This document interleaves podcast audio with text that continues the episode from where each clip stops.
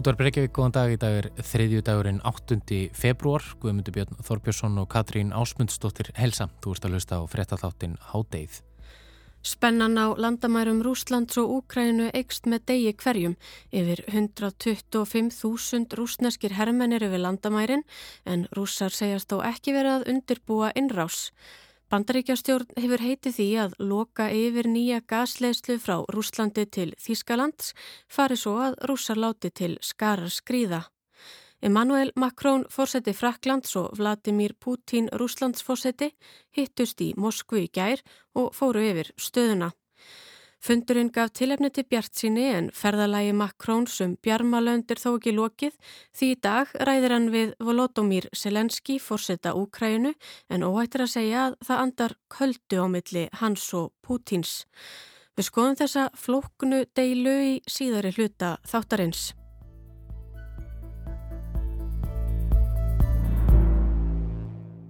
En við byrjum á allt öðru. Lata Mangeskar, næturgali Bollywood, er látin 92 ára að aldri.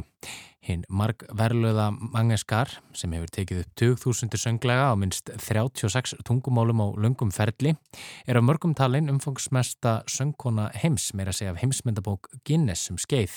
Þótt hún sé helst þekkt fyrir áhrifamikla söngröð sína, kom Mangeskar víða við um æfina. Hann aði skarst, stopnaði spítala og syndi þingmennsku. Hennar er nú minnst vísvegar um heim og tvekja daga þjóðarsorg var líst yfir á Indlandi, heimalandi stórsöngununar sem meðal annars var þekkt sem drottning melodíunar og síðustu þúsund ára.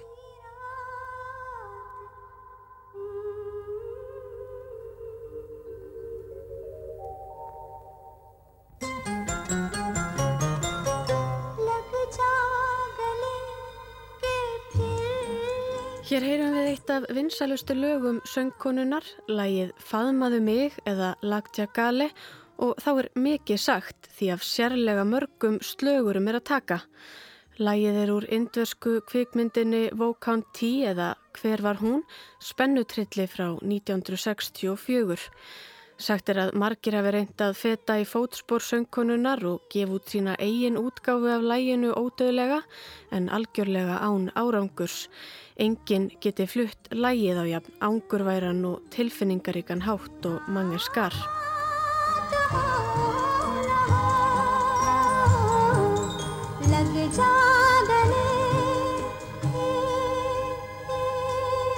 Lata Mangeskar ljast 7. februar 92 árað aldrei en hún hafði þá verið inniliggjandi á sjúkrahúsi í 28 daga vegna COVID-smits. We announce the sad demise of Lata Mangeshkar Didi this morning. Það var Pratit Samadani, læknir söngkonunar sem tilkynnti um andlátennar og dánarórsök á sunnudaginn var. died because of multi-organ failure after more than 28 days of hospitalization post her COVID. Þjóðar arfleið næturgalan sem á sínum rúmlega 73 ára ferli tók upp tug þúsundir laga fyrir meira en þúsund kvikmyndir og Bollywoodmyndir þar sem hún söng tilfinningaþrungin lögum óendurgoldnar ástir eða þjóðarstolt var svo sterk að indversk yfirvöld líst yfir tveggjadaga þjóðarsorg í landinu og lata mange skarfa svo kvött með ríkisútför og ríkisfánanum var flaggað í hálfa stöng. Þúsundir, Bollywoodstjörnur og pólitíkusar og allir þar á milli lögðu leið sína að hveðja töfn söngkonunar sem haldin var í almenningskarði í Mumbai. Sirkjandi þjóð gatt svo fylst með aðtöfninni í beinu streymi, séð fósættisráðherran, narendra móti segja nokkur orð og leggja blómasveig við hlið líksins sem var umvafið indverska fánanum og fylst með líkbrennslunni sem fór fram við vetískan sálmasöng og bissuskot í kveðjuskinni. Fórsættisráðherran sagði aðdáendur söngkonunar geta hugga sig við það að þrátt fyrir að hún sjálfverði ekki lengur á meðalera er þið rött hennar það áframum ókomna tíð. Aap dunia mein kahi bhi jaiye, Bharat Ratna Lata ji ke chahne wale aapko jurur milenge.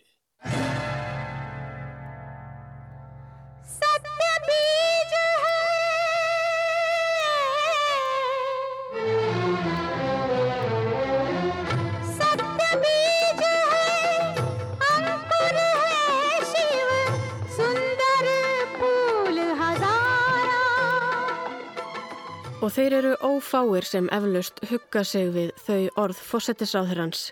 En líkt og áður segir var Lata Mandjaskar einn allra fremsta söngkona Suður Asíu, líkt og sérst af viðbröðunum við fregnum af andláti hennar og þeim ótal mörgu minningarorðum sem þeim fyldu. En allir frá frægum kriketspilurum, háttsettum embættismönnum, stórstjörnum og rítöfundum hafa vottað henni virðingu sína síðustu daga frá öllum heimshotnum.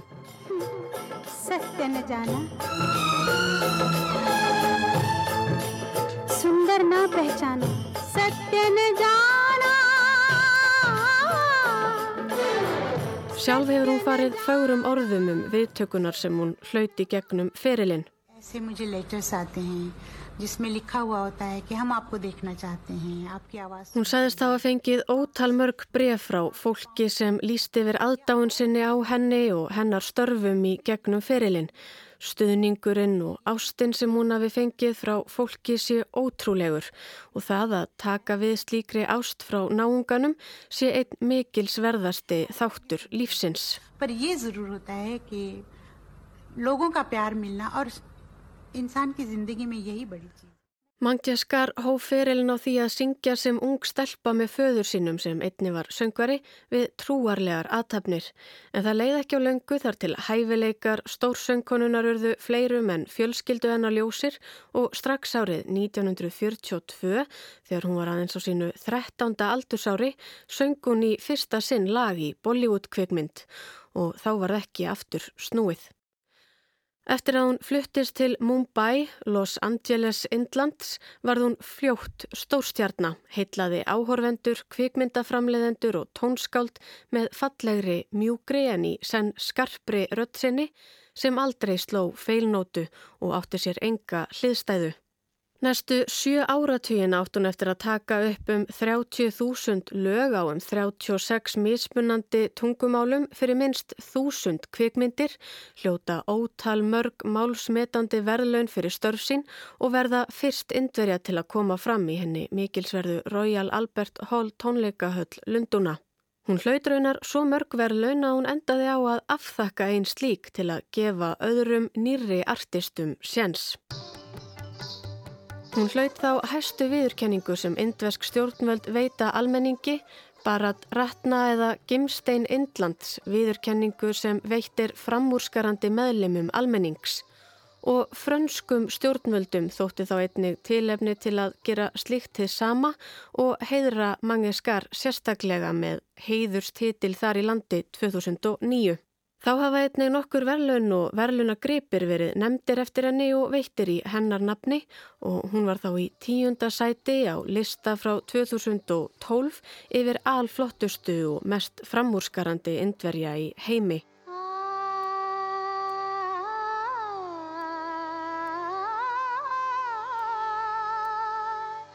En hún einbeitti sér að fleiru en tónlistinni um æfina var umsvifa mikil í góðgerðarstarfsemi, skarkripa hönnuður, stopnandi spítala og þingmaður svo fátt eitt sér nefnt. En þingmennskunni gengd hún í um sex ár og sagðist aldrei hafa fyllilega fundið sig þar, vita lítið um stjórnmál og upplifað sig utangarðs meðal pólitíkusanna. Hún láð þó ekki á skoðunum sínum almennt og var opinská um þá skoðun sína að tónlist nútímans var ekki upp á marga fiska, einhæf merkingalös og gæðin léleg, bara háfaði raunar, en það netti umt fólk í dag ekki að hlusta á alvöru tónlist eins og klassík. Hafið har stæl ka gana mila, gane ke liye, og bætt muskil muskil.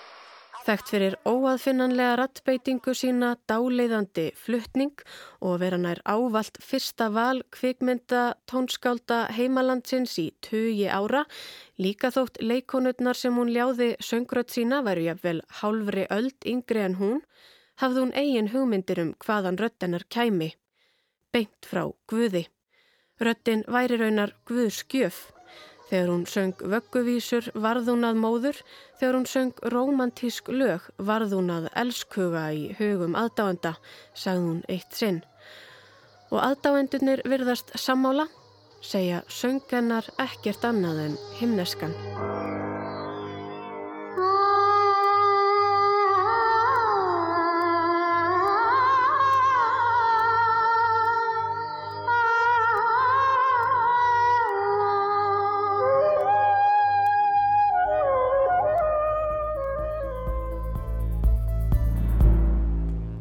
Spennan á landamærum Rúslands og Úkrænu eikst með degi hverjum.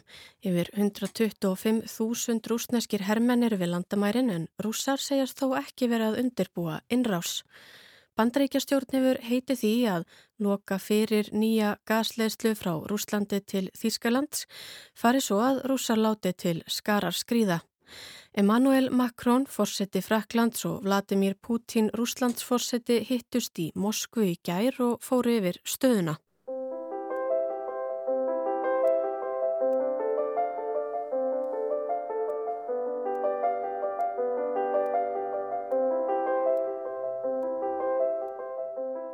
Þeir sitja gengt hvor öðrum við óvenju lánt, kvítt viðarborð, skreitt gildum röndum. Á borðinu miðju er kvítur rósavöndur. Lýsingin er nokkuð óþægileg byrtan eins og frá flúorljósum en auðvitað er ekki nótuð flúorljós í rúsnesku fórsetahöllinni. Á matselinum er reyndirakjött borðið fram með sætum kartublum og brómberjum. Kvöldverðurinn varir í 5 klukkustundir. Um hvað tala tveir miðaldra menn sem er ekkert sérstaklega vel hvorum við annan í fimm klukkustundir? Hefur þú lesið Dostojevski? Já, þau það. En hefur þú lesið Sartre? Hvort er Vladimir Putin, Rúslandsfósiti og Emmanuel Macron fósiti Fraklands eru versaðir í tilvistarspeki skal ósattlátið og það rættu líklega ekki Dostojevski og Sartre í gæri en þeir rættu önnur mál og kannski mikilvægri allavega í hennu stóra samhengi alþjóða stjórnmála, stríðs og fríðar Já, einmitt. Kanski spurði Putin Macron hvort hann hefði lesið Tolstói.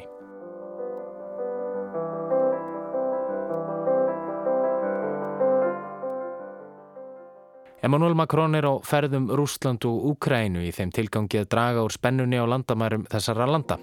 Yfir 125.000 rúsneskir hermenn eru samankomnir við ukrainsku landamærin, gráir fyrir járnum með skriðdrega og árásarflugvilar. Á laugardag sögðu bandarísk stjórnvöld að rússar væru komnir með 70% af þeim herabla sem þyrti til að ráðast inn í Ukraínu af fullum mætti. Á sama tíma hafa stjórnvöld í Moskvu krafist þess að Allandshafsbandalæðið NATO tilkynni að Ukraína verði aldrei hluti af bandalæðinu og að NATO drægi verulega úr herabla sínum í austur Evrópu.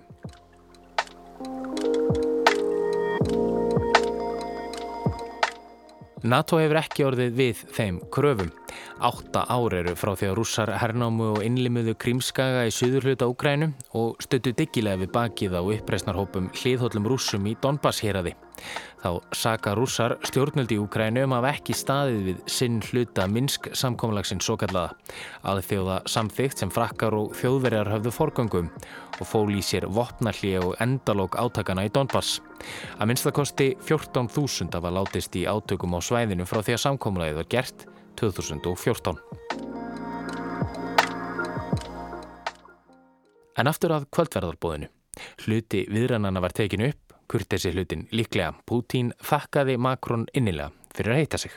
В политической, я, конечно, понимаю, у нас общая озабоченность по поводу того, что происходит в сфере безопасности в Европе. Putin segir hér að hann skilji vel að bæði rússar og frakkar hafa áhyggjur af öryggismálum í Evrópu. Принимает самое активное участие в выработке принципиальных решений по этому направлению. Og ég vil þakka þér fyrir þá staðreind að Frakland tekur virkan þátt í allri stefnumótun og ákvarðanatöku á þessu svæði, sagði Pútín. Hann bætti því við að hann veri reyðbúin að sættast á málamiðlun í Úkrænudeilunni. Makrón kynnti Pútín tilugur um tryggingar í öryggismálum á fundinum og virtist Rústlands fósetti opinn fyrir þeim. Fraklandsfósiti saði að samræður væri nöðsynlegar. Aðeins þannig væri hægt að tryggja stöðuleika og öryggi í Evrópu. Þess vegna hefðu þeir Rústlandsfósiti rætt oft saman síðustu viku og mánuði. Hann hefði einnig rætt við Volodymyr Selenski, Ukrænufósita, sem Makrón fundar svo með í dag. Donc, euh, Ég er þakkláttur fyrir að fá tækifæri til að ræða við þig um allar þær spurningar sem ég hef og við getum nú farið að vinna saman að því að leysa þessa deilu með besta móti, bæði fyrir Rústland og alla Evrópu, sagði Makrón. Évidemment d'éviter la guerre et de construire des éléments de, de confiance, de stabilité, de visibilité pour tout le monde. Donc merci beaucoup de ton temps et de l'accueil aujourd'hui. Besta lausnin er auðvitað svo sem fylgur ekki sér neyn hernaðarleg átök, heldur að byggja upp tröst og gagsægi fyrir alla. Ég þakka þér fyrir að taka á móti mér. Sem fyrr segir ræðir Makrón við Selenski fósetta Úkrænu í dag og hann hétt Putin því að hann myndi heyra í honum hljóðið eftir þann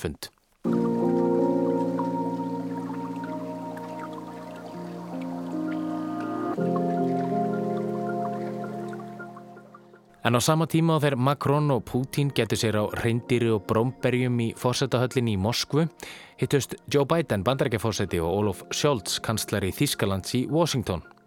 Ekki hef ég séð neinstadar hvað þær löði sér til munns en þetta var fyrsta heimsókn kanslarans til bandarækjana eftir hann tók við ennbætti af Angelu Merkel í desember. Á bladamanna fundi að loknum viðræðum þegar Bidens og Scholz í Washington kom eitt og annað áhugavert fram. Þar sagði bandarækjafórseti meðal annars að kæmi til þess að rússar letu til skara skrýða í Ukrænu myndu bandarækin koma í veg fyrir að þinn nýja Nord Stream 2 gasleðsla erði tekin í nótkun. If, uh, if Russia invades, uh, that means tanks or troops crossing the, uh, the, the border of Ukraine again, then uh, there will be uh, we, there will be no longer a Nord Stream 2. We, we will bring an end to it. Gasleðslan er yfir 1200 km laung og það tók nær 5 árað leggja hana. Hún flytur jarðgas frá vesturluta Rústlands í gegnum Eistrasaltið og yfir til Þískalands. Leðslan er að mestu leiti í eigu rústneska ríkisfyrirtækisins Gazprom en einnig alþjóðleira fjárfesta.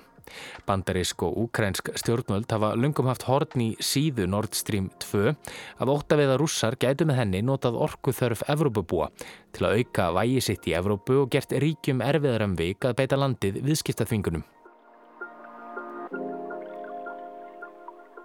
Blaðamæður spurði bætin hvernig hann ætlaði að fara að því að loka leðslinni þar sem gasleðslan lægi til Þískalands. How will you do that exactly?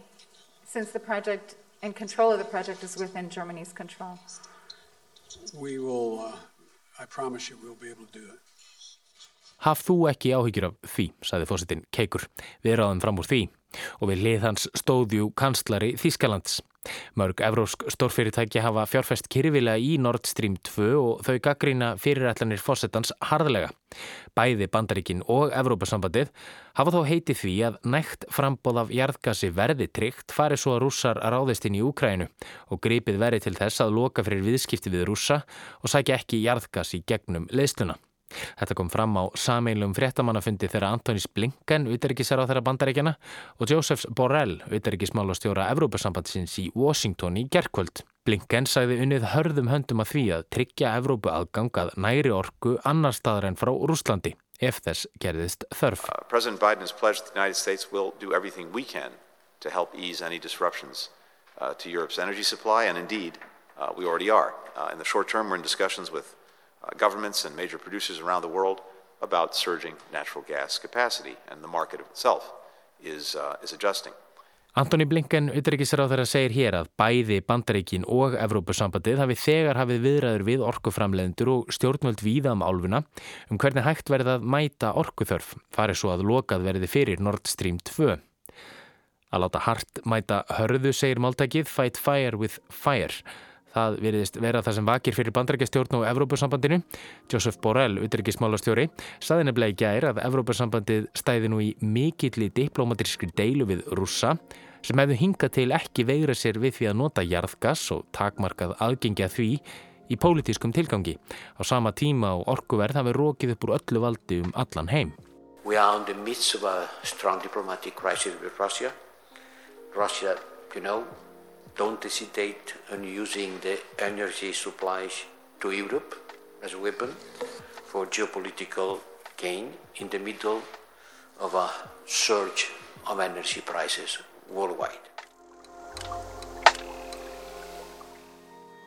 Spennan millir Úslands, Úgrænu og aðeldaríki Allandsafsbandalagsins heldur því eitthvað áfram, svo mikið er víst.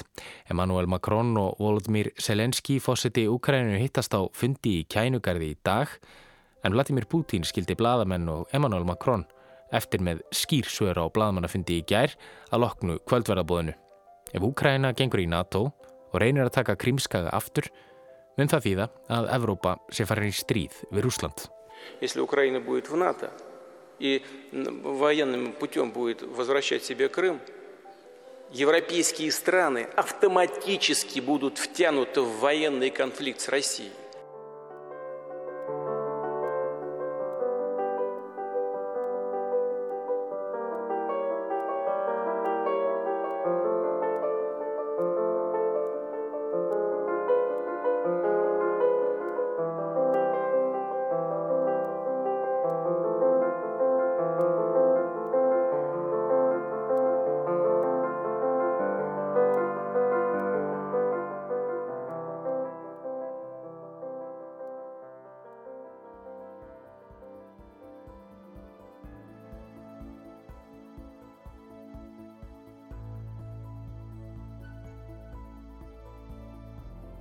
Þetta verða loka orðin í hátteginu í dag. Við verum hér aftur á sama tíma á morgun.